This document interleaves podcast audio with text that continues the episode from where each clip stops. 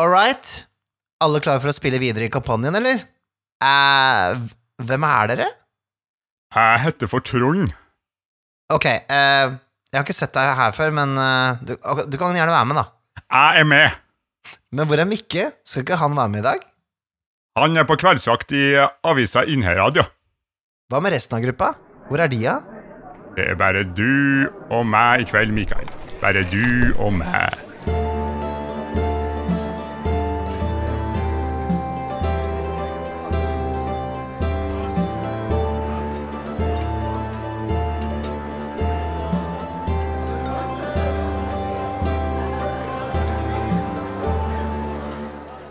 Hei og velkommen til Vertshuset.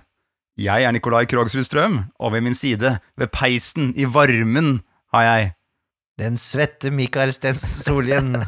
For det er svett nå, og det er ikke bare fordi det er klein stemning, men det er også fordi det er veldig varmt.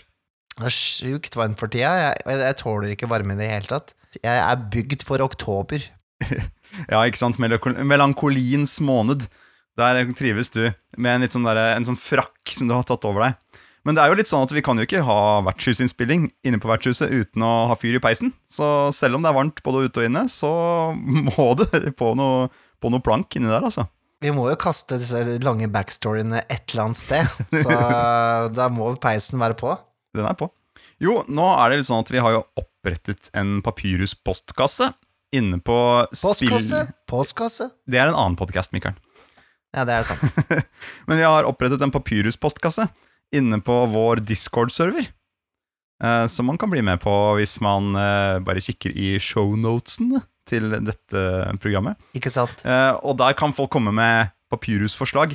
Og istedenfor å ta en av papyrusene i papyrusspalten, så gjør vi heller hele papyrusspørsmålet til en egen episode. Fordi det syns vi det fortjener. Det er en power move. Mhm, det er det der. Vi er power movers, det står etter her nå. Mhm. Og, og den temaet det var eh, forespørsel om, det var rett og slett eh, Hvordan kjører man spill for en gruppe som er i stadig endring?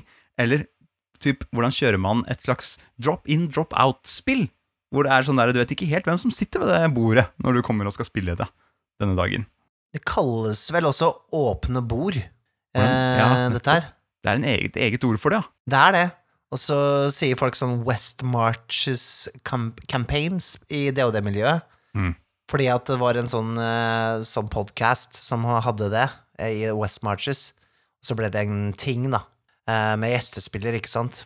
ja Eh, men eh, det kan vi jo snakke om, da, vet du. Det er gøy. Eh, gi noen tilbakemeldinger på det.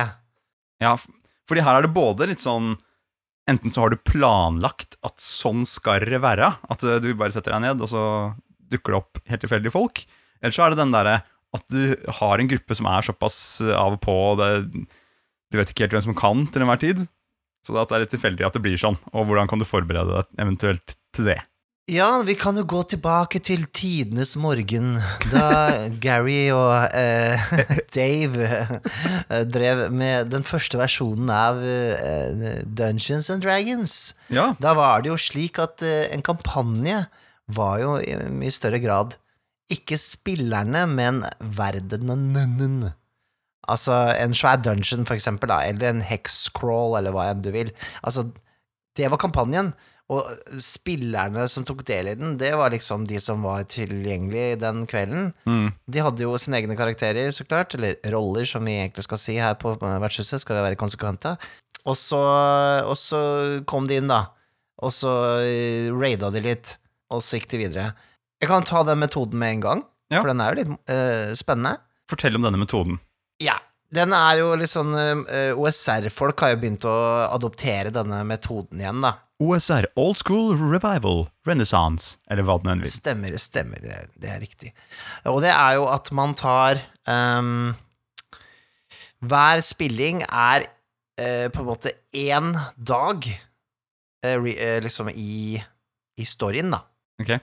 Og alle skatter som blir fjernet fra huler og sånn, de blir fjernet fra verdenen. Så det er liksom sånn Når, når neste gruppe, som da også er tilfeldig sammensatt av de som kan, kommer dit, så, så er det tomt der. Ja. Som de andre har stjålet Mm. skattene. Og um, ja, det, det var jo litt sånn, da. Det var, du kunne ha en roster på 50 spillere, og så var det sånn her eh, Hvem kan denne gangen? Og det var jo vanlig å spille med jævlig mange også. Sånn type 9-10 stykker, ikke sant?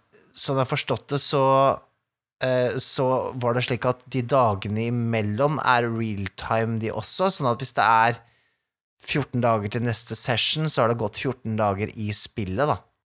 Så ingen spiller på det samme tidspunkt i storyen i verden, liksom. Skjønner. Så det var en sånn måte å kjøre kampanje på, men det hadde jo ikke disse moderne rollespillkampanjene med en stor storyline nødvendigvis. Kanskje det skjedde noe meta i den verdenen. I don't know, men det var jo mer eh, gå rundt og stjele skatter, og du kunne sammenligne, ikke sant. Av vi var inne i vi var inne i hula til øst der, og der fant vi jævlig mye skatter, men fikk ikke utforska det greiene der. Kanskje dere skal gå innom dit. Eller så ble det kniving om hvem som hadde høyest level, og Mm. litt sånn type ting, da. Men det er jo igjen mindre teater, mer spill øh, røttene, da, Mm. som var i mm, gang den gangen. Ja.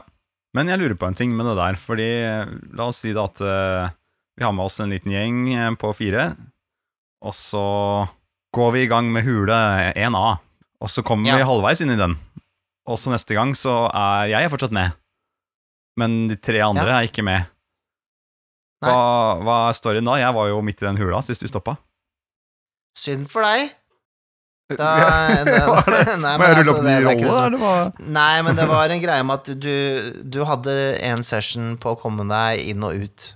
Ja, hvis du ikke rakk. Og hvis du Nei, da, da, da er du tilbake i, i liksom fortet eh, neste spilling. Okay. Da blir det downtime som du bare bruker på å komme deg tilbake. Ok, skjønner. Eller så kunne det være enda mer brutalt, da, for at det er old school, da, så kan du bare døde i den grotta fordi ikke du klarte å komme deg tilbake i tide før session var over. Det kan også være. Høres ut som en veldig hyggelig spilleder. Det var jo litt sånn. Det var litt sånn mer eh, adversarial uh, DMs. Men, eh, men jeg tror ikke nødvendigvis det var tilfellet. Det var bare at da stoppa spillingen. De, hvis de ikke klarte å komme seg hjem, så magisk vis så er de tilbake eh, ved start da igjen Mm, etter det. ok, nettopp. Og så går jo dagene, ikke sant. Eh, Så hvis han spiller med noen andre neste dagen, så er det dagen etter, ikke sant. Mm. Så er de ute og, og raider. Det her kan jo Hvis man spiller på denne måten Jeg tenker at det, det kan være et fint grep for å få rollene til å føle seg som veldig små i en stor verden. Oh, ja. Fordi det er jo på en måte en effekt som man kanskje ikke Iallfall de gangene jeg har spilt, altså, så føler man seg litt som at uh, her skjer historien, ikke sant? Historien er bygget rundt disse rollene vi spiller. Det er som å være i en bok hvor eh, man er hovedpersonene, ikke sant? eller at man er i et uh, dataspill da, hvor man er veldig sånn der man påvirker verden rundt seg skikkelig. Mens i denne stilen her så er det litt sånn derre Ja, men det, det er samme hvem som dukker opp, ikke sant? Dere, dere er anonyme helter, basically. Og verden foregår, den går videre. Og, og dere kan gjøre noen små oppdrag her og der og, og måtte utforske litt, men hallo. Dere kan jo ikke Dere kan jo ikke bli noe stort, liksom. Da må du, da må du legge inn Da må du slutte jobben din og spille hver dag. Ja, ja, men det var litt av Det var jo var, Man spilte jo ikke helter i gamle DOD nødvendigvis, så det var jo Det var jo jævla strev å bli helt. Mm. Det var jo, det var jo ræl fram til level 3, egentlig. Altså, det er jo for så vidt nå òg, men eh, det er jo Det går mye fortere, da. Komme opp Ja. i level. Så det var jo Og døde jo fortere, da. Så det var jo mye Det var mye tårer. ja, det var det. Men hvis du klarte å komme deg litt oppå, så hadde du gjerne en del eh, Hadde vel kanskje noen folk under deg, noen lærlinger, og du hadde kanskje en borg Ja, ja, ja. og et uh, gammelt trollmannstårn eller uh, en eller annen festning av noe slag som du Ja, det, bodde det var en del av hele, hele liksom mekanikken og hva skal jeg si uh, Implisitt det du skulle gjøre, da, Ja. for å vinne, vinne spillet litt. Altså, problemet med den typen spilling er at uh, du blir liksom ikke du, du får ikke noe power fantasy hvis du klarer deg bra. Det du som skjer, er at du begynner i liksom Du er i en fantasyverden og må klare deg. Og hvis du klarer å komme deg opp i level, så blir, du egentlig bare, så blir det egentlig bare som livet sjøl. At nei, du må fylle ut noen papirer og betale skatt og eh, Du må skaffe noen ressurser, og ungene er sure og bare Ikke Ja, men det er jo det, er jo som livet, det, når du liksom Dette er ikke det spillet jeg vil spille, Mikael. Jeg orker ikke Nei, jeg skjønner det, skjønner det. Skjønner det. Ja, ja, men eh, ja, det er jo Du får jo makt, da. Det er jo sikkert bra. Det, på et eller annet vis. Nei, men, eh, men eh, vi kan jo tenke det på Dette er jo spesielt for veldig sånn dungeon-basert eh, sandkasse-type spilling, da, ikke sant, uten en stor storyline. Mm. Men i eh, Dark Sun så ble det jo anbefalt å ha et såkalt um, eh, character tree. At du hadde fem roller. Ja. Og de kunne være forskjellige typer fantasiraser og, og være forskjellige steder, og kunne gå på forskjellige oppdrag, da. Eh, litt av grunnen til det var fordi at du skal liksom begynne på level 3, og det, Dark Sun skal være skikkelig vanskelig, da. Så det var lett å dø, da. Mm. Og at du skal ha reserveroller. Men um, det kunne også fungere sånn at du kunne på en måte hoppe inn på forskjellige steder på kartet, da. Sånn at for eksempel uh, hvis den og den spilleren ikke var til stede den spillingen der, så kunne vi fokusere på de rollene som er der borte, som alle til stede har en rolle. Ja, Ikke sant? Istedenfor å spille videre på den delen av kampanjen der borte, hvor han spilleren Hvor de er midt inne nå, Ja. så kan man ta en side sidegreie ja ikke sant? borte. Eh, Litt sånn derre Ja, litt sånn, egentlig litt sånn som det er i Game of Thrones, da, hvor det er sånn derre I denne episoden så ser vi ikke hva som skjer med Aria Stark. Ja, nettopp. Ja, Vi ser bare hva som skjer med Tyrion i dag. Jævlig godt eksempel. Det er et jævlig godt og eksempel. Det er Det det akkurat det det var. Sykt godt eksempel! Uh, så der kan man jo faktisk Det, kan, det, det er lett å inkorporere i, uh, i eh, moderne eh, greier også, Mm. eh, tenker jeg. Um, og, og ha en litt sånn reserveløsninger dersom ikke alle kan engang. Og så bare ta Å ja, denne episoden. Da spiller vi varulvene som jakter på vampyrene. Uh. Ja, men det kan være litt kult å ha det i bakhånd, liksom, hvis du vet at du har en gruppe som er litt sånn laus. Istedenfor å, for å spille et helt annet spill, da. Uh, altså, det er Mm. også alltids en mulighet, men eh, så heller bare ta oss og fokusere på noe annet. Uh, noe sidegreier. Ja, men det her er på en måte old school-varianter, hvor du har gått ut fra at det er sånn fra begynnelsen av, og da har liksom lagt opp alt. At det, her har du en gruppe hvor det bare er sånn Møt opp den som vil, og så tar vi det derfra, ikke sant? Ja. Eller ja, med det her karaktertreet, så er det litt mer satt, men da kan du hoppe litt hit og dit. Men hva med deg, Mikael? For du har jo havna i situasjoner opp igjennom. Har du noen gang kjørt spill som er i utgangspunktet på den måten her? Nei, jeg har ikke gjort det. Jeg bare, jeg bare hører. Ja, hører at folk gjør sånt. Men hvordan er det når du har havna For du har jo sikkert havna i situasjoner hvor det er litt Hvor gruppa forandrer seg kanskje litt fra spilling til spilling. Hva har du gjort i sånne um, tilfeller? Nei, det er jo Altså, hvis det er noen som slutter, så er det jo å skrive dem på en måte ut, da. Det er jo en mulighet. Og ta slags Ta dem over som en slags NPC-rolle til på en måte det får en eller annen eh, naturlig konklusjon i den spillinga, helst, da. Etter, Etterpå. Eller så er det jo eh, det å så ignorere dem litt, rett og slett. Er jo en døll, men en hvis, du bare kjø hvis alle bare kjøper det, liksom, Ja, så er det jo Går det jo Han står i bakgrunnen. Han var i bakgrunnen hele tiden. Ja, ja, ja. I skyggene. Ja, Tenk på, tenk på Mark i The Gamers. uh, hvis dere har sett den filmen. Og han uh, Where's Mark? Oh, he's in the corner. Uh, for han har fått seg kjæreste og, av spillerne. Og ikke kan være med på spillingene.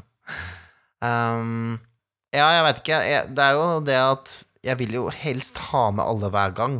For det er jo eh, litt sånn at hvis, hvis man på en måte ikke er teamet, så er det Mm. vanskelig på en måte Og hvis man ikke er med hver gang, og hvis man har en sånn lengre historie, da, så kan den, den historien miste piffen for den spilleren som er borte. Mm. Det kan miste litt sånn verdi for de spillerne som fortsetter med historien. Mm. Så jeg har veldig mye mer troa på å gjøre en avstikker eh, i kanskje samme kampanje, da, Mm. som, eh, sånn som nevnt, um, enn å faktisk liksom spille videre. Um, Ja, at ok, nå tar vi en episode som er litt på siden av plottet, og så neste gang så kjører vi videre, liksom. Men det er jo kjipt for de som har gleda seg til å gå videre, da. Men det er kanskje bedre enn å ikke spille. Det beste er å ha lojale spillere Mm. som stiller opp hver bidige gang.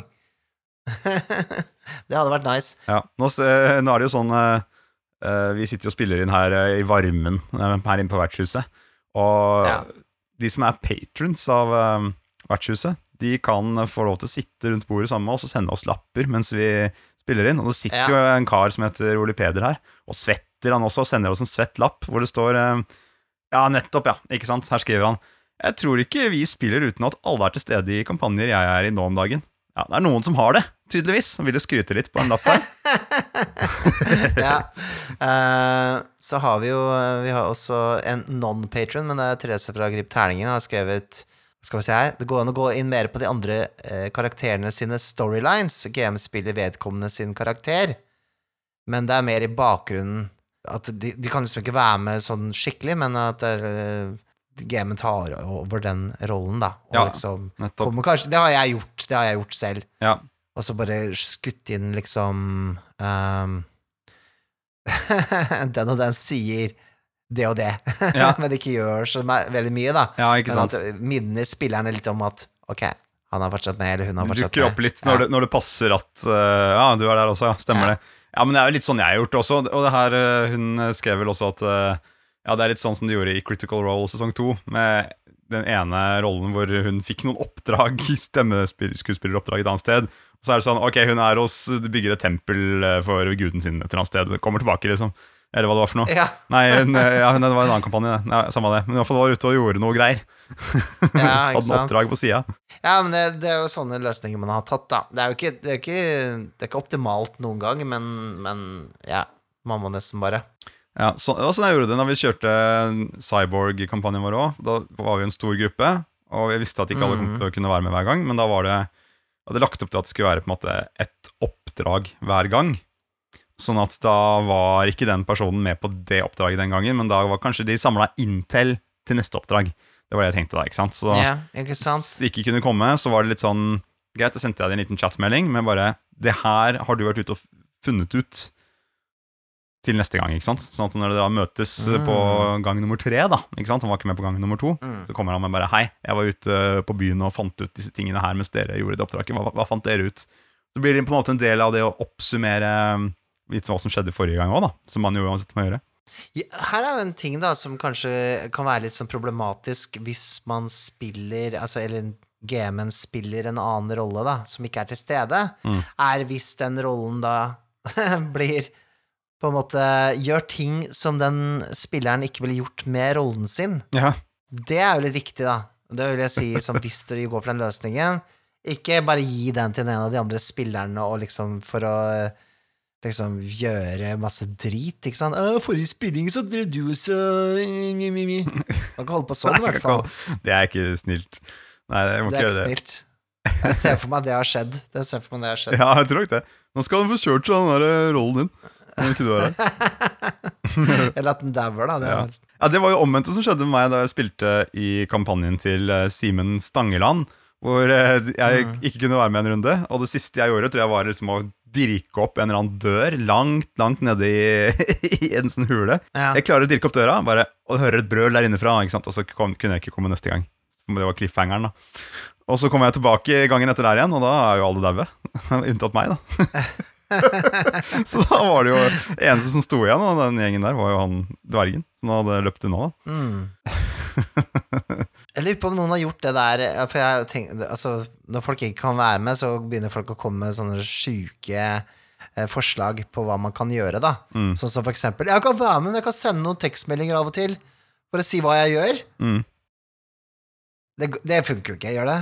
Nei, Det det funker jo ikke. Altså, det blir jo litt, altså, er det jo sjelden det passer òg, for det er jo litt det greia er jo du, du kan jo ikke! Hvis du ikke kan, så kan du ikke, liksom. Litt sånn derre sånn, øh, Oppdaterer spilleren av og til på en sånn derre øh, Sier du ja til å ta på deg den ringen i det tempelet? Ja, det er litt gøy òg, da. Jeg synes ikke jeg synes det er litt gøy. Jeg har jo sett for spillere gjøre det ved bordet sånn derre Hei, nå, nå liksom skjedde det. Ikke sant? Bare, ha, ha, og så bare Å, fy faen. Ikke sant? Får det tilbake. Så er det litt sånn Ja, hvis det er sjuk eller noe, så Ja. det er jo hyggelig, da. Herregud. Mm. Ikke være så seriøs heller. Nei da. Eh, vi har jo notert litt her, eh, som vi da så klart ikke har fulgt i det hele tatt, eller fulgt halvveis. Du har skrevet ned et lite notat om eh, levende kart. Hva er det du mener med det, Nikolai? Mm.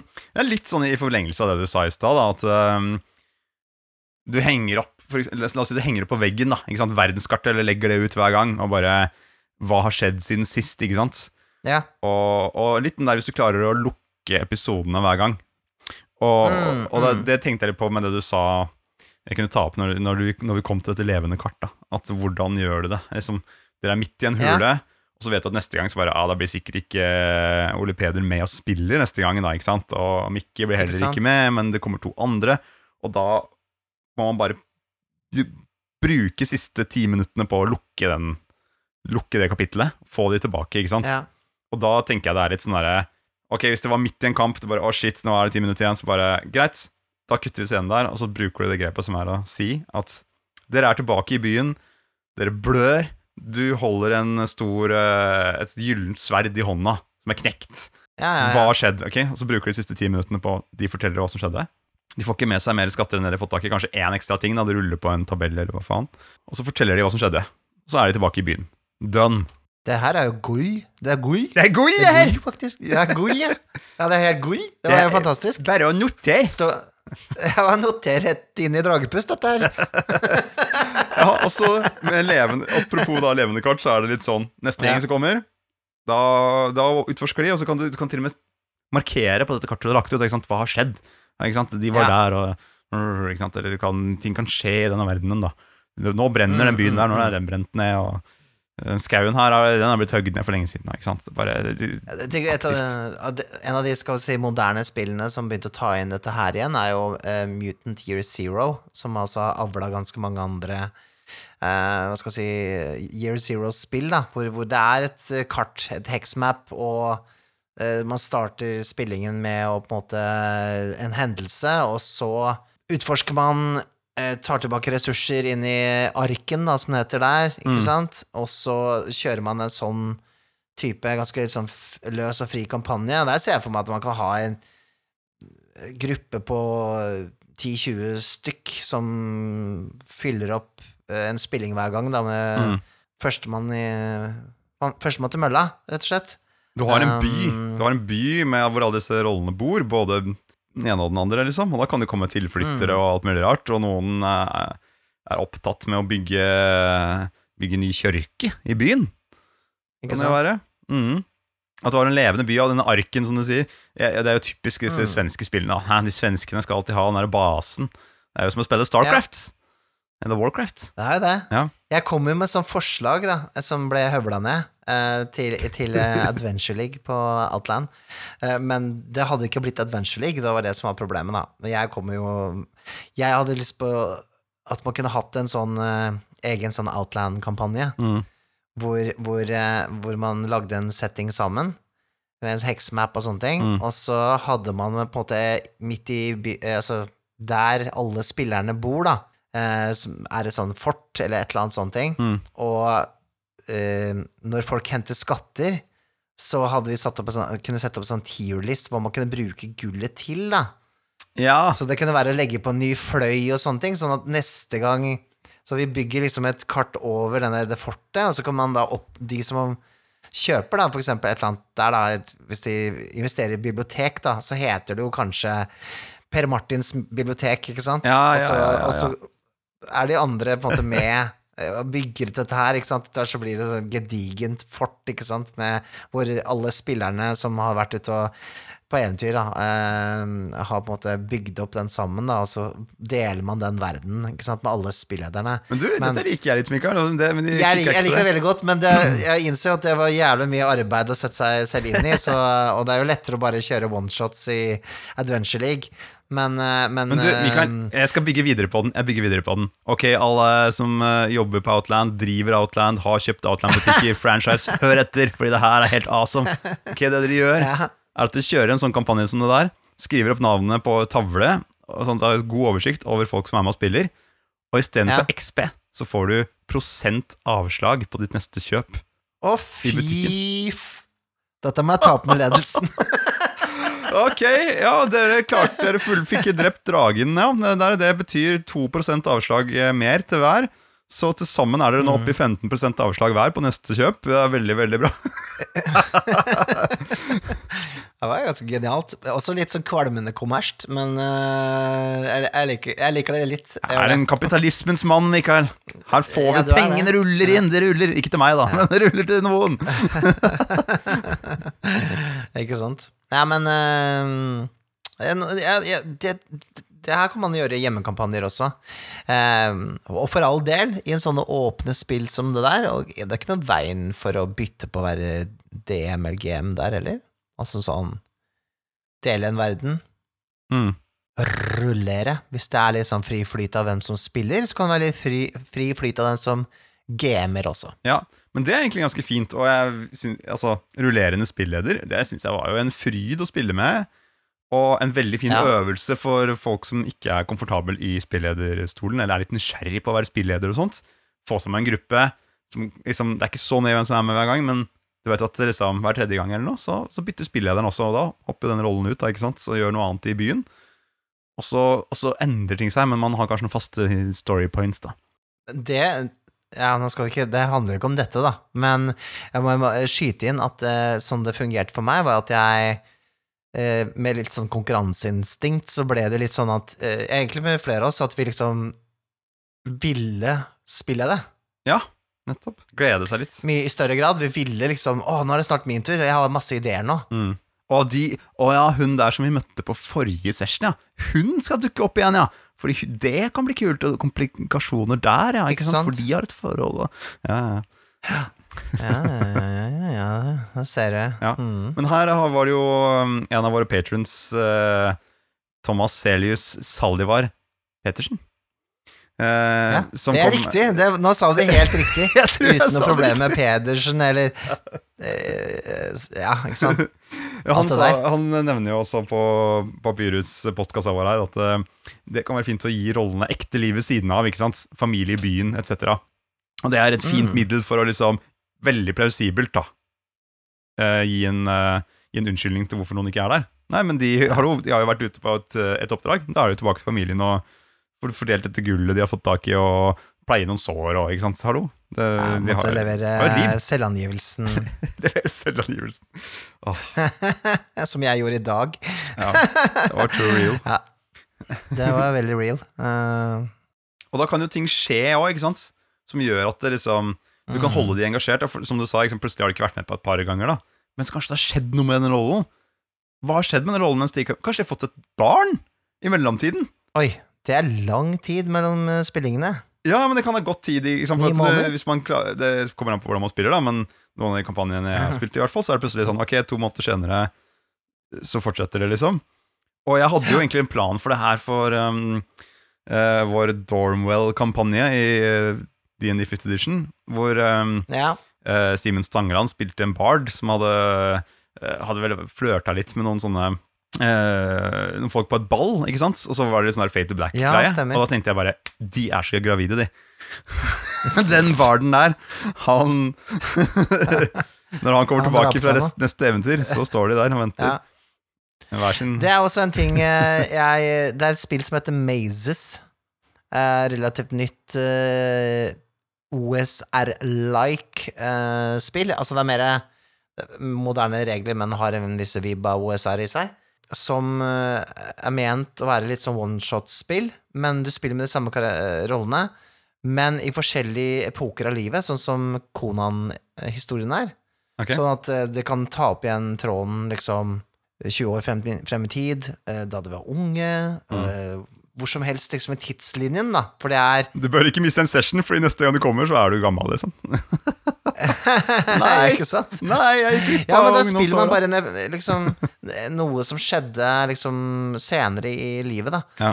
Um, det kunne vært litt kult å utforske litt mer. Mm. Um, vi har jo anbefalt det i, um, i Dragepust, at hver gang man på en måte leveler opp, da, så skal det gå en viss tid imellom Mm. for å illustrere at de har blitt sterkere eller, eller um, visere, eller hva det enn det er. Sånn at det, det kan ha gått kanskje eh, ja, fem år mellom hver gruppestyrke man går opp, for eksempel. Ja, alt, alt fra noen, noen måneder til, til liksom lengre tid, ja.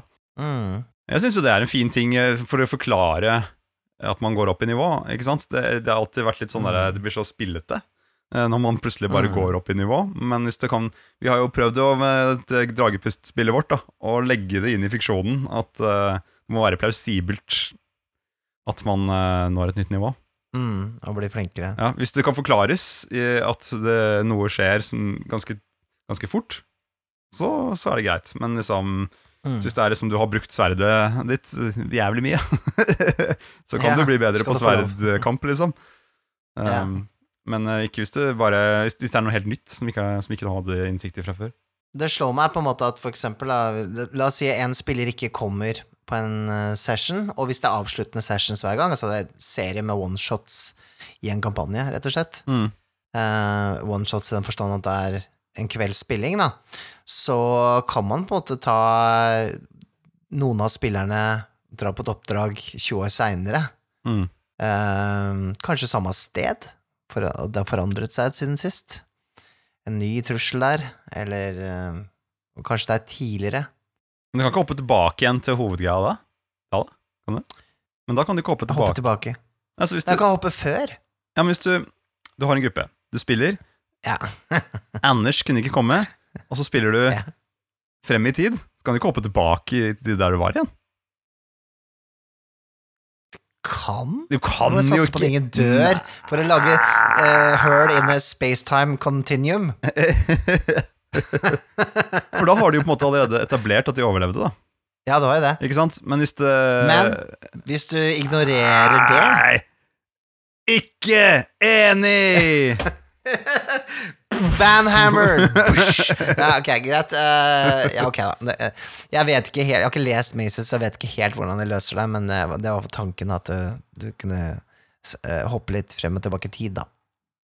Nei, Da er jeg heller fan av at ok, dere spiller alle andre roller, samme verden, og så, Ja. kan, og så spiller de en, egentlig en oneshot i nærheten, og, så, og det som skjer, det de gjør, påvirker neste spilling, liksom. Problemet ofte med sånt, uh, sånn type ting er jo det at Jeg husker jo det da jeg spilte Third Edition, DOD, det, så tok det jo jævlig lang tid å lage roller, da. Så Ja. det, vi, vi spilte jo ofte bare med nye roller hver gang, og vi brukte jo eh, noen timer Eller ikke ti, timer, er kanskje ta i, men vi brukte tid da på å lage roller hver gang, og vi ble Ja. lei av det. Ja, Eh, så det er jo eh, Altså, nå finnes det jo spill, da, sånn som Mausritter, for eksempel, var jo Hvor lang tid tok det å lage roller der? Eh, hvis man kan det, så tar det jo ja noen få rull, da. typ tre minutter. Og man kan gå inn på nettsiden og bare trykke på en knapp. Create, Mm. liksom. Ja, Samme med Mørkborg og Cyborg og Death in Ja. Space. Alle de der har jo sånne eh, ja, Generatorer. Si, spytter ut en, uh, ut en rolle til deg på null komma niks. Mm. Men ehm, vi skal sette deg ned og spille Vampire, så er det jo slik at du bruker jo en session zero på å lage roller, så det går jo på en måte ikke. Nei. Men i Vampire også er det enda mer jeg synes det er enda lettere å forklare nesten at noen er ute og eter, holdt jeg på å si. Ja, det er sant, det. Busy. Fikk seg litt av raptus. Ja. Ut og eh, snakke litt. Individualistene i eh, Vampire der. Ja, det er helt eh, riktig. Mm. Jeg Altså, nå, nå begynner jo regelhuet mitt å tenke litt, da. Um, det går jo an å lage et lite system for hva som skjer når en rolle ikke er med i en spilling. Mm. Du nevnte jo litt grann at jeg er på sideoppdrag og sånne ting. Men det går jo an å ha en eller annen form for uh, Hva skal jeg si um, uh, Du spør, da, hva gjør rollen imens, og hva ønsker rollen å oppnå? Mm. og så ta det med i neste spilling, eller gi en ting. Altså i det og det så kan det være eh, noen rull, da, kanskje, Ja. som spilleren eh, gjør for å se om den klarer å uh, finne det magiske våpenet som den uh, lette etter på den uh, sidequesten den Mm. var ute på. Ja, men det syns jeg er ganske fint. Sånn der, Oppsummere tiden din utenfor spillet i en- et par rull, liksom. Ikke sant? Men sånn der, hvis du er en kamerat da, eller en venninne som kommer innom og bare Kan jeg være med på én runde? Liksom? Hvordan gjør du det da? Det finnes jo sånne gjestespillere, da. Det er jo vanlig, det òg. Jeg så noen som nevnte på discorden at de, Nå vet jeg ikke hvordan de spiller kampanjen sin, da, men at det liksom, de bare tok denne personen med inn i historien, som om den alltid hadde vært der. Og så det neste spilling, når ikke den personen var der lenger, så bare spilte de videre som aldri hadde vært der. Larer. Det for meg høres litt som en veldig veik eh, løsning, da, men eh, sånn som du syns om den der hoppe frem og tilbake i tid, der, der, Nei, der vil jeg fram med, det, vil jeg fram med hammeren. Altså, Rett tar- i peisen, si. Utgangspunktet er enig, men la meg komme med dette scenarioet. Og det er at det kommer an på måten du spiller på. For hvis det er en litt sånn derre Vet du hva, vi bare samles på fredager, jazzer litt, tar noen øl, spiller litt, uh, slapper Ikke sant? Det er, en, det er eh, litt laxed, da. Hele, det er jazzete, slapper av. Eh, Halla, stamma det, liksom. Ølen, Ja. hører jo ølene bli åpna i bakgrunnen her. Så er det sånn litt mer med Ok, men så får du se litt hva det er, ikke sant. Så, bare, så tar vi Where's the Cheetos? Ikke sant? You're not there! Nå siterer du noe fra noe sånn populærkultur rundt uh, rollespillet. Det er, ja, det er en, det er en eldgammel meme, som, som, som meg. Du ble født samtidig som er deg. Leroy, Leroy Jenkins uh, gammelt. Ja, nettopp. Ja, men, så da, da kan jeg skjønne det, ikke sant, i, i en sånn type setting, fordi da kanskje du Kanskje denne personen da, som kommer inn fra sidelinjen, heller ikke har lyst til å bli så innmari fokus. Fordi det er jo det som skjer. Mm. Hvis du, du kommer inn og bare Ok, du skal være med én runde, greit, da introduserer jeg deg på et riktig tidspunkt. Alle øynene er på denne personen. Ikke sant? Bare Hei, hvem er du? Og skal, hvordan? Det blir mye press da på denne nye personen som skal inn. Mm, mm. Mens i en sånn derre du er bare med, du har vært med alltid, så kan de liksom bare slide inn fra sidelinja litt sånn, ikke sant? Ja. Som en elv, som en, som en bekk som blir en del av elva. Eh, ikke sant? Åh, dette kan hende Ole Peder kan hjelpe til litt med, for jeg husker ikke helt hvordan konseptet fungerer, men i Ars Magica så hadde man noe som het Troop Style Play. De introduserte det, og jeg tror det var litt sånn at man hadde eh, hovedroller som kanskje var magikere, men man hadde også tjenere, så når man hoppa litt inn og ut av hvem man spilte, og, og hvem som var til stede, så du hadde liksom et følge som var stort nok, da, til at du kunne på en måte gjøre det. Litt plausibelt at uh, Bartolomeus plutselig kommer fram og jeg, jeg vil være med, jeg, eh, og, og, og vise hvor god jeg er. Ja, nettopp. Var det bra? Var det bra dialekt? Jeg syns det var kjempebra, Mikael. Og jeg tror liksom på det òg, at eh, sant? vi to er på oppdrag her på vertshuset, men så, så kunne ikke jeg være med en dag. Og da kommer det en annen inn Ja. og spiller Bartolomeus i mitt sted eh, i, i podkasten. jeg tror det hadde funka. Ja, ja. Så bare vit det, alle fremtidige gjester i podkasten, at da må, dere må være Bartolomeus, munken fra kjelleren, hvis dere skal være med. Eh, Ole Peder skriver her på en lapp og sender over bordet mm, at eh, du oppsummerer det helt fint, Mikael. Det her har jo du kontroll på, ja. vet du. Du lener deg på de rundt deg, men du vi vet alle sammen. Du har jo på deg høvdingkrona. Ja. ja. Takk. Jeg måtte ta det litt fra en, en, en avkrok i skallen Ja. min, som, eh, som lagrer sånn drit. Mm. Du, sånn, når jeg sier at du lener deg på sånne, så tenker alle sånn her, ja, ikke sant, lean on me, ikke sant, støtter deg. Men det er jo bare at vi, du lener deg på oss slik som en konge sitter i tronen sin, og har slaver som går og bærer den tronen rundt. Eh, Ja, Det skal, det skal ikke ha på meg. Jeg er ikke noen slavedriver her, altså. Det, det, det, kutt, kutt, kutt! Snakk for deg selv, Å, det er deg igjen. det er meg. Hvem av dere var det egentlig? Jeg er Judas den første. Å, det første, ja. Ja, riktig. Den første er mitt navn. Døde ikke du for lenge siden? Om jeg er død? Jeg fikk nytt liv i Jesu navn. Han døde for syndene mine. Sant. Faen, det blir sånn autoresurrekta, disse her folka her. Jeg ble risbarna i, midt i Jerusalem. Jeg kjente meg ikke igjen. jeg. Så måtte jeg gå helt opp til vertshuset. Det er lang, lang vei. Jeg var, gikk 40 år i ørkenen, Mikael. Du gjorde det. Men altså, var ikke hele denne episoden her en sånn papyrusrulle, egentlig? Og vi ikke skal ha noe papyrus Det stemmer, denne det gangen? stemmer. Har ikke du kommet opp litt Jeg er bare her for å legge den store røde knappen her på bordet. Den som er på den boksen her. Oh, ja. Jeg setter den her. Du får trykke på den sjøl. Jeg går ned i kjelleren igjen. Takk for meg. Ha det, Judas. Ha det, Mikael. Det var Ja. hyggelig å prate Ja. med deg. Ja, det var fryktelig hyggelig. Uh, Nikolai? Hvor, Nikolai? Ja. Jeg måtte Eh, bare flytte stolen litt unna. Han satte fram den store boksen med den røde knappen på.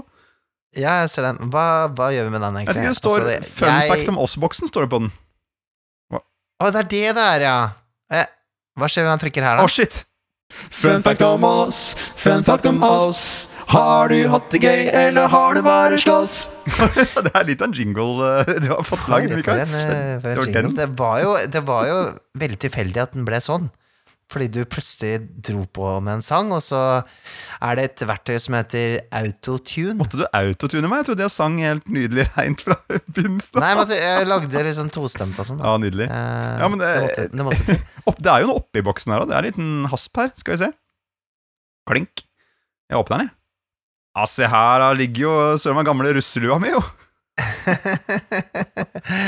Og du ser det hva som er litt spesielt med den lua der, eller? Ja, eh, Det er jævlig mye greier som henger fra den. Masse greier. det er jo masse, masse, masse korker og kondomer Seimen og ølkorker. Og, Knuter og spraya gull er det ytterst her, og det er hakk og Det er faen, er så mye greier. du, med tanke på liksom forrige gang hvor du eh, outa deg sjøl som en sånn moteguru-influenser på eh, tidligere 2000-tall, så skal du nå oute deg selv som en russebro, eller? Jeg var, jeg var så russetid-entusiast, jeg. Da jeg, jeg gleda meg til russetida jeg, hele, hele første og andre år på videregående. Og når tredje år kom, da bare Å, nå er vi i gang! Nå er, nå er det Russetida varer helt til påske, ikke sant? Det var, eh, vi begynte jo russetida vår eh, liksom rundt halloween. Eh, på en måte året før. Året før vi ble russ, liksom. Ja. Og hadde nissefest, eh, russefest rundt jul, og sant, det var, det var masse det var, Jeg var på Tryvann enten to eller tre ganger, husker ikke helt, og så var jeg på det derre russesammentreff oppå Lillehammer, og hadde russebil med det temaet inni, og det var Jeg gjorde alle de russeknutene jeg klarte, unntatt de der som var sånn altfor nasty, da. Men, eh, Mm. men det, det, ble jo Hvis man gjorde 30 sånne der russeknuter, så ble man eliteruss. Og da kunne man få spraya dusken gull. Og jeg var sånn der Det skal jeg bli. Det, dette er mitt mål i livet nå. Jeg skal klare det. Åh, jeg er så glad Jeg er så glad du ble nerd, ass, for jeg, jeg hadde ikke digga den Den, eh, hva skal jeg si Den eh, Hva skal si Konklusjonen av den retningen der. Nei, men faen heller, ass. Det, det er noe med å, å sette seg noen mål og klare å fullføre et prosjekt. Mikael. Ja, Og det tar jeg med meg videre. ja det er det. det, er det. Absolutt. absolutt. Uh, ja. Hmm. Jeg liker det. Det som var det ene, den, ene, den ene knuta var å kline med en kjendis. Um, Åh, klarte du det? Ja, jeg klarte det. Men uh, problemet var at jeg fant jo ikke noen kjendis, annet enn Kristoffer Schou, for han skulle døpe oss. Men han klina med alle som kom opp på scenen der. Ja, men det Ja, det tenker jeg han ble med på. Ja, ja. Var, var han god til å kysse deg? Nei, det var veldig sånn eh, Vi kjørte ekkelt, begge to. Kjørte ekkel versjon. Sånn. Jeg skjønner. Hvordan fant du Kristoffer Schou? Var han på Nei, han, Lillehammer? var, eh, han, han, døpte, han døpte oss. Det var russedåp. Å ja, ikke sant? ok, sånn Man ja. døpes ja. Det var ikke på Lillehammer, dette er på Gran. Det var på dette, Gran, et Eller, Brandbu, faen? faktisk, var dette her. Ja, ja, ja, ja, ja, ja. Så nei, jeg var skjønner. russeentusiast og gikk all in på alt som het uh, russeknuter, ja. Eh, ja, Ja. Så, så sånn var det. Så du klina med Kristoffer Schau? med Kristoffer Schau. Det er jo det som er fun facten her. jeg lurte Ikke at du har vært russebro. At du har klina med Kristoffer Schau, det syns jeg er ganske fint, egentlig. ja, Jeg tror, skulle jeg fikk noen sykdommer etter det. Det var, det var liksom den perioden da det? spiste rå kyllingfileter og og dreiv. Ja, ja, ja.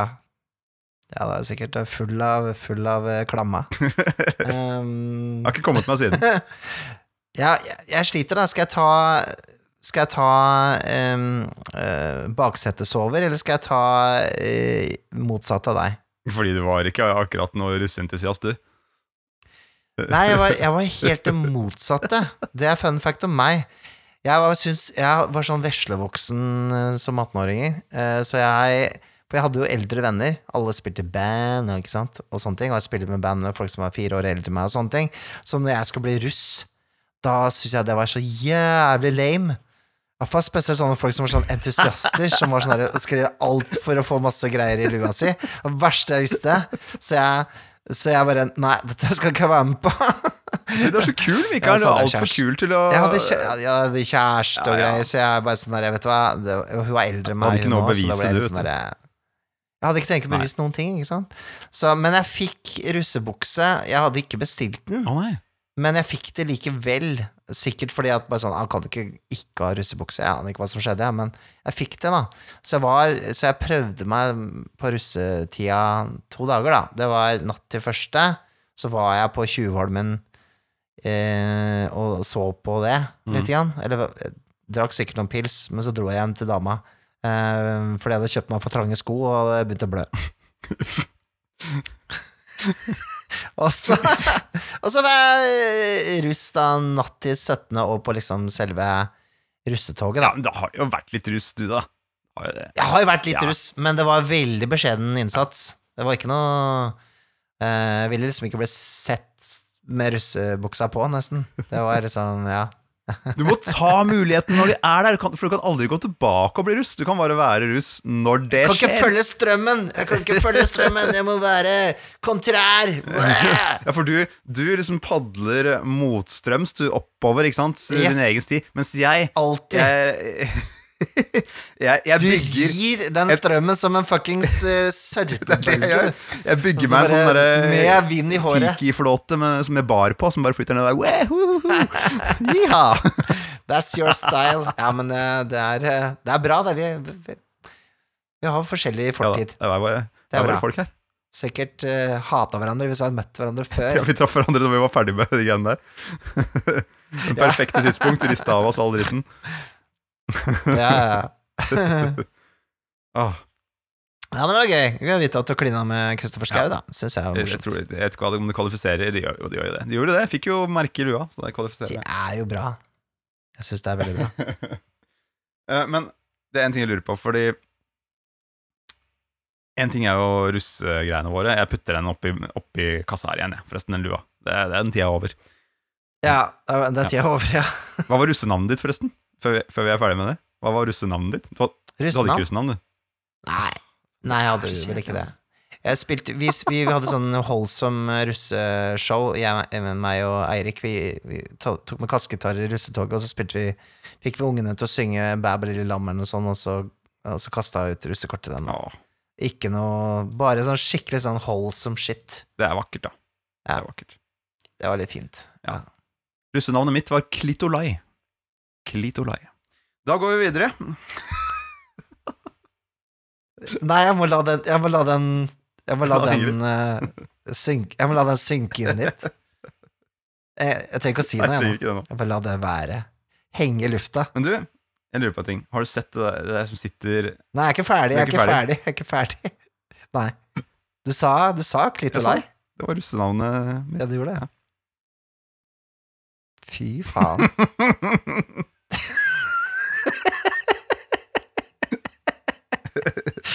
Å, gud. Ja, 110% Who are you? Who are you? Ok, nå er det greit. Nå går vi videre til neste punkt på programmet, og det er jo Jeg jeg skal bare flytte denne Fanta Exoticen. ah, ok. jo, jeg bare lurer på hva er det der dyret der? For det er det styggeste dyret jeg har sett. Det lukter jo eh, Det lukter jo litt løk her. Og det er, eh, det er derfra, ikke sant? Ja, det er det. På det dyret. Ja, altså, men, eller hva er det, liksom? Det, er, det ser jo helt jævlig ut. Er det en bikkje? Er det en slags ting? Jeg er ikke sikker. Jeg vet ikke, men det er alltid jeg vet at det lukter lauk. Det lukter så jævlig lauk. Ja. Lukter lauk og litt rotte, og det lukter Og det, det er Det Det er jo! er Det er jo! Det er jo Det er jo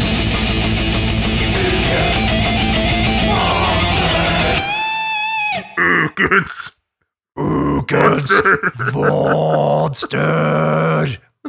Nei, hadde du ikke noe stemme i dag? Det er ikke alle Fanta Exoticen som har, som har endra stemmen. Klitolei? Du har ikke noe stemme. Du, det, det her er jo laukerotta. Laukrotta. Det er, det er et beist fra Det, lauke, Laukrotta høres jo litt sånn her det, er, det, er, det høres litt ut som han der Det er eh, Reodor Felgen-type uh, Aukrust. Ja. veldig Aukrust-aktig. Uh, veldig sånn gammel, gammel, gammel Ja. humor. Fra 60-50-tallet Det stemmer sånn. på en prikk. Laukrotta! Du må henge lauk, alltid henge lauken en høyk, høyt på stabburet. Sikkert kommer laukrotta til. Jeg, eh, istedenfor å gå eh, liksom, inn på hva en leokrotta er, så jeg har lyst til å finne ut hva en laukrotte er. Nå snille vite det. Men leu, laukrotta kaller du den fordi du er fransk. Ja, le Laukrotta. Ja. Leokrutong. Nå skal jeg fortelle hva leukrotta er. Det, Ja, det som er at det er bilde av den. Det her er, det her er fra Advanced Dungeons and Dragons Second Edition. Monsters Manual. Um, Men la dere ikke skremme, denne fins også i nyere utgaver av Dungeons Gjør and? Dragons. Gjør den, finnes den, den, Jeg tror det. Har den gått videre? Fordi når jeg ser på bildet, så er det liksom Det er en hjort med pumafjes, liksom. Det er det som er blitt tegna. Det er tegningen. Og så første Ja, men de er ikke alltid like konsekvente med tegningene sine. Jeg tror de, Fordi- noen av det blir gjort litt drita i eh, second edition. Det er ganske mange eh, Det er jo en tegning på hvert, da, og det er en ganske tjukk bok, så jeg skjønner jo at på et eller annet punkt så har det vært seint å bare du, Jeg gidder ikke å lese helt, jeg. Jeg, gidder ikke, ikke å lese en side med forklaring om åssen det ser ut. Jeg bare tegner noe greier. Og, så, Jeg bare tegner nå. og det føles litt sånn nå, fordi her står det jo liksom For det første så står det uh, at den er veldig stygg.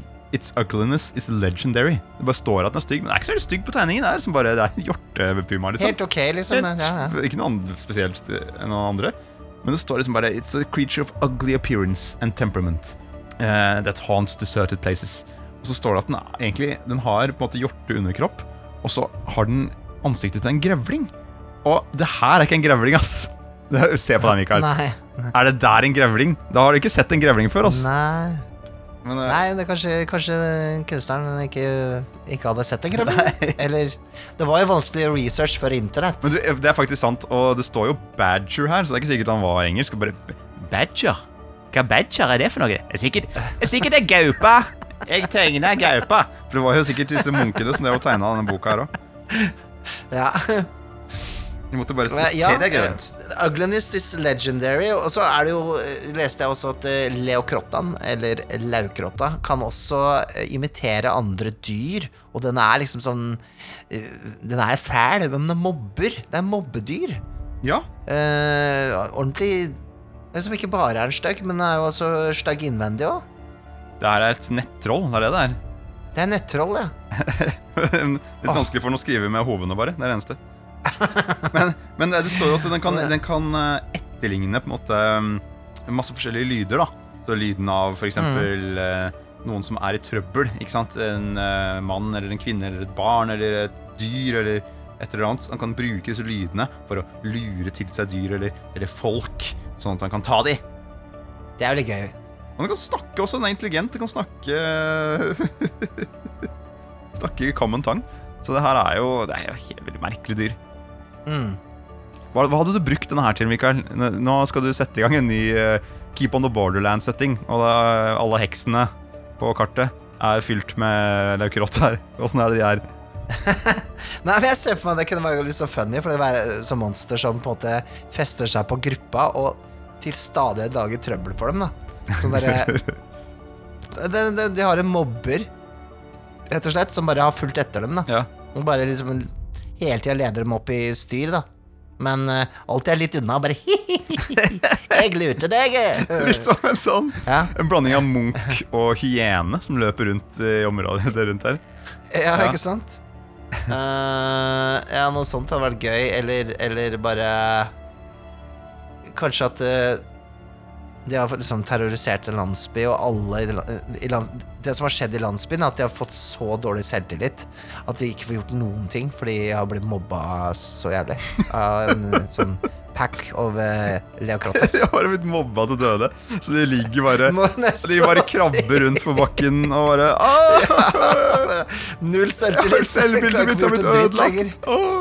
Ja, Han kalte meg for Klittolai.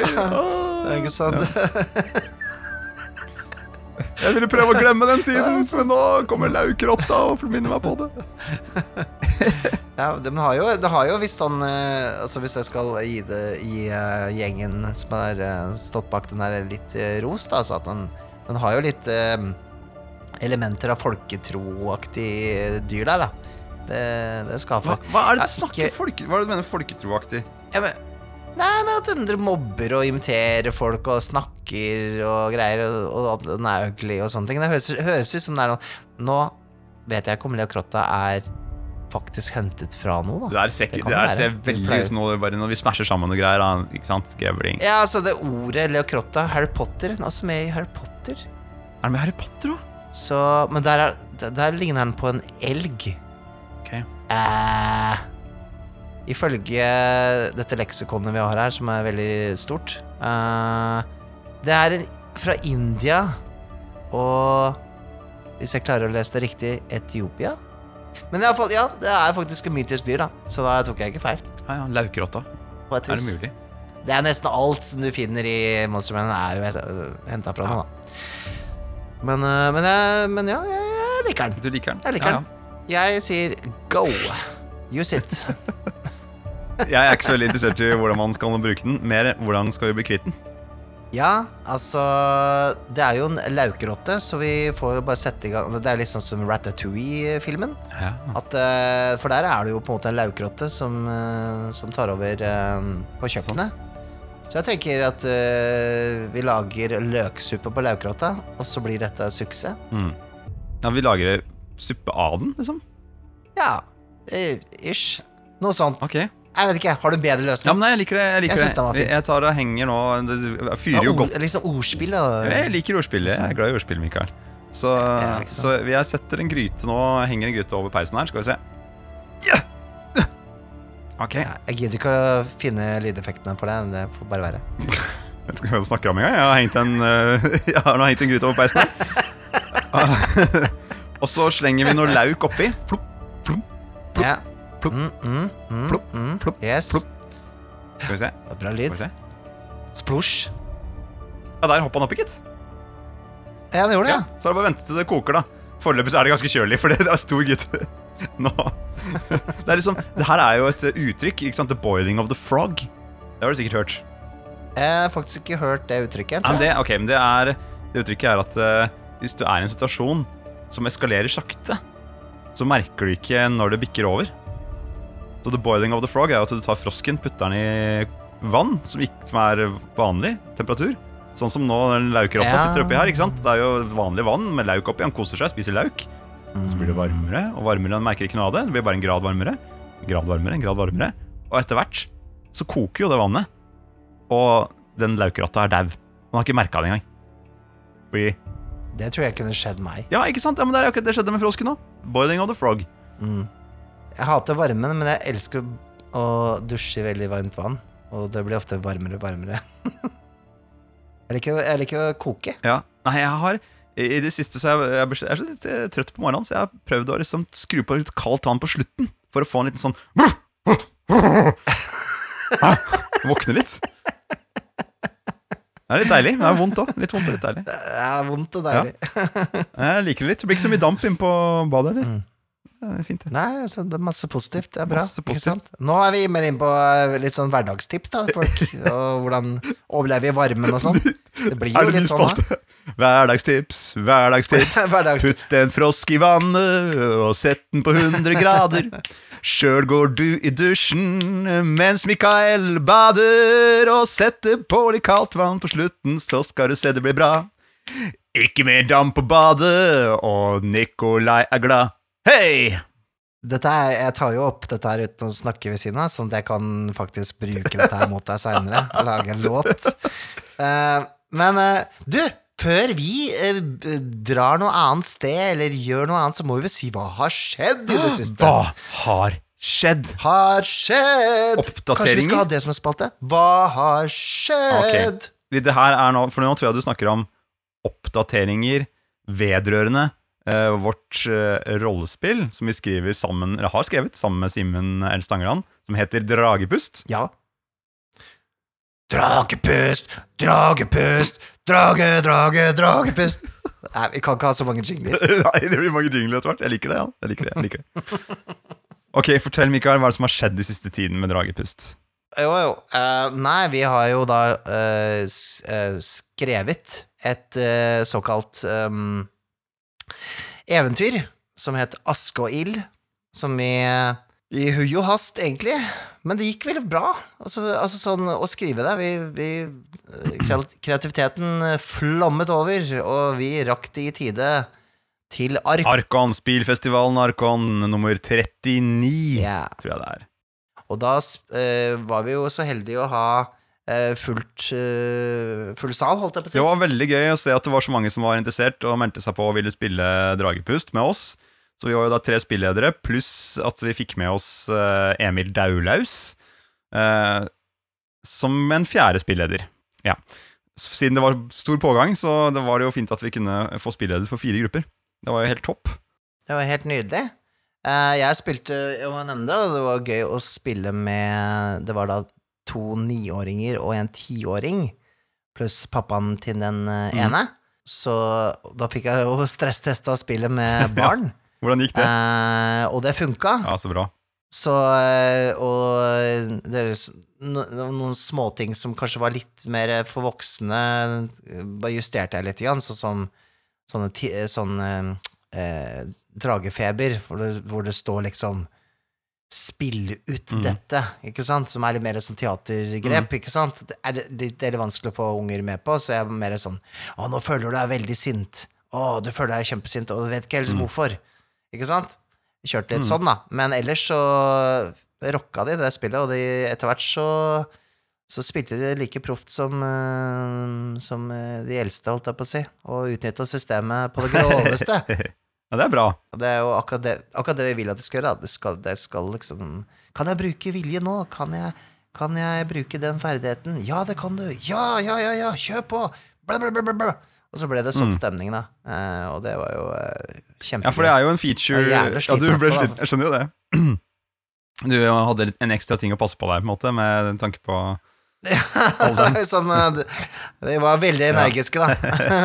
Men eh, det er jo ja, det er en feature i dette spillet at uh, man blir påvirket av dragepust innimellom. Det er jo derfor det heter dragepust. Mm. Dette påvirker sinnet til rollene, og så får de, når de blir påvirket, da, hvis de feiler sine rull, så får de noe, de må, noe som skjer med dem, som de må spille ut. Uh, Mm. senere. Og det kan jo gjøres på forskjellige vis, da, vis da, sånn som du gjorde, eller eh, for mine spillere, det var jo på en måte ikke barn, så de eh, fikk bare delt ut, og så måtte de deale. På en måte. Og hvis de ikke gjorde det nok, så pusha jeg de, kan jeg pushe de som spilleder. At eh, ok, dette skjer, dette skjer, Mm. du gjør det. Sånn at de, de kommer opp i situasjoner da som gjør dramaet høyere, større. Mm. Ja, ikke sant? Mer intenst. Intenst var riktig måte å bruke ordet på. uh, og det funker med eh, større. Uh, men vi kan også si, det var jo veldig hyggelig, vi har møtt jo to patron, patrons på Arkon også. Det var Ninja Pool, var det ikke? Geir? Han hadde med seg en liten pip-pip på Arkon, som var hans familiar, som vi ble litt kjent med, da. Og jeg er jo livredd fugler, har jeg lagt merke til. Tror det er en barndomstraume. Uh, vi hadde tror- en fugl. Jeg- Ja, det blir neste fun fact om, om deg.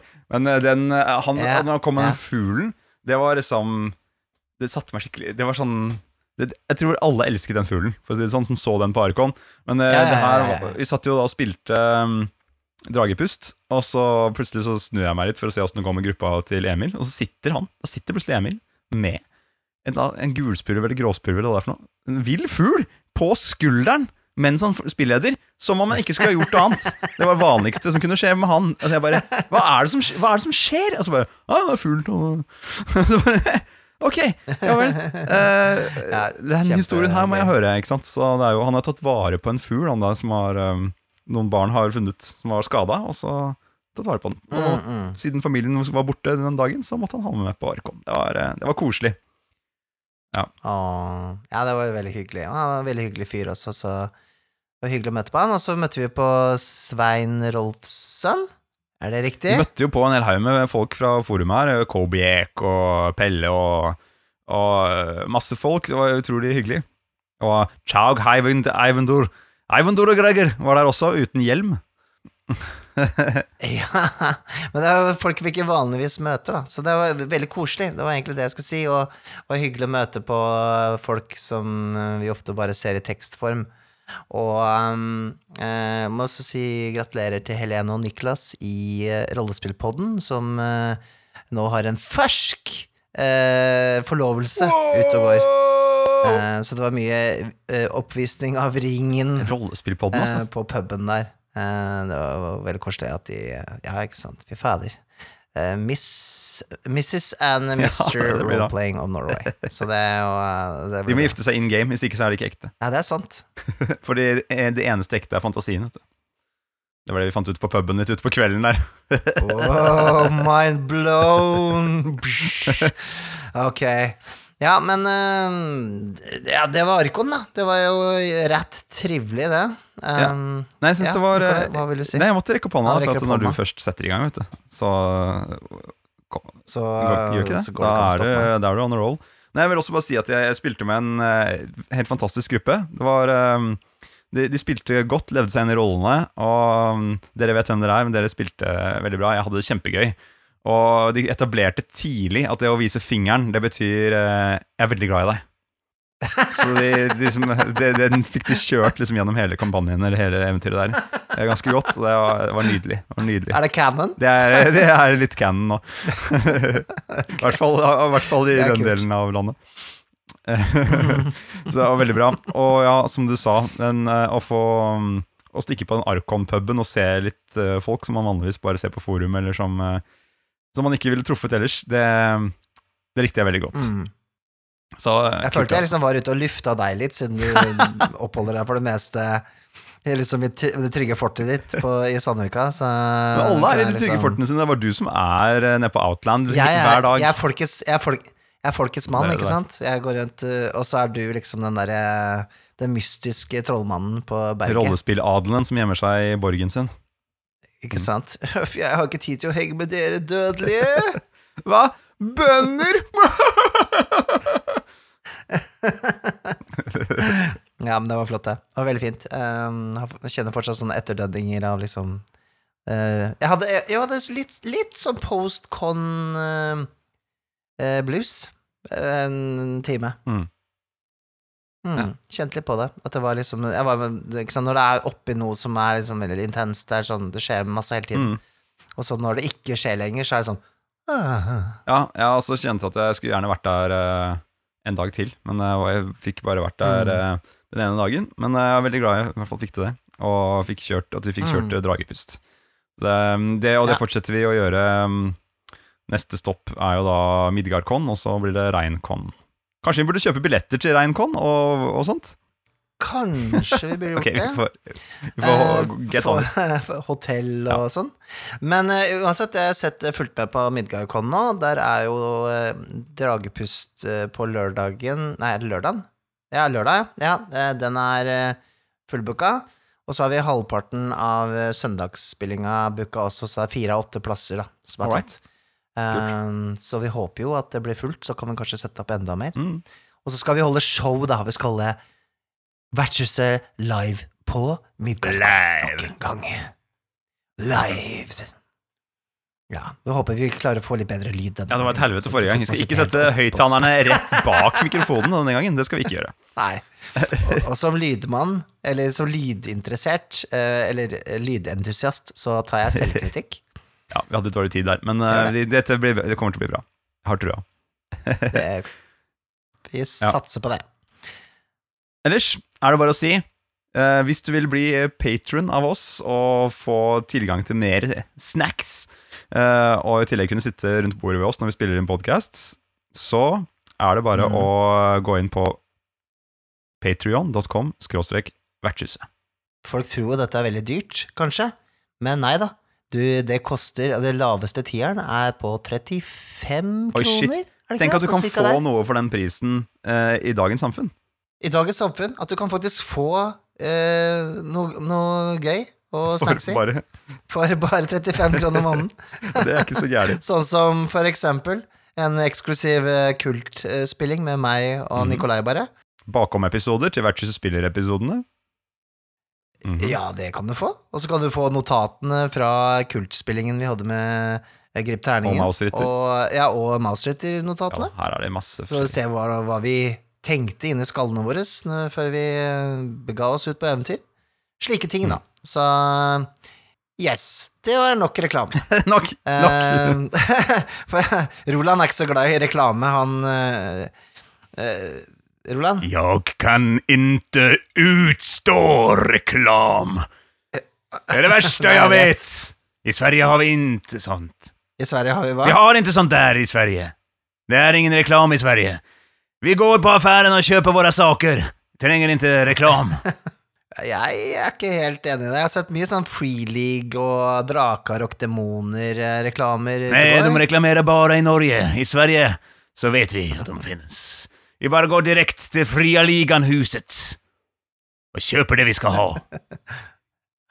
Kjøper det vi skal ha, ja. ja. Nei, men eh, du vet jo at en jingle er på mange måter en slags reklamelåt, Eh, så eh, du skyter jo deg selv litt i hoven nå, rett og slett. Um, men så kjapp-kjapp på å høre låta, og reklamer oss ut. Det her er ingen jingle.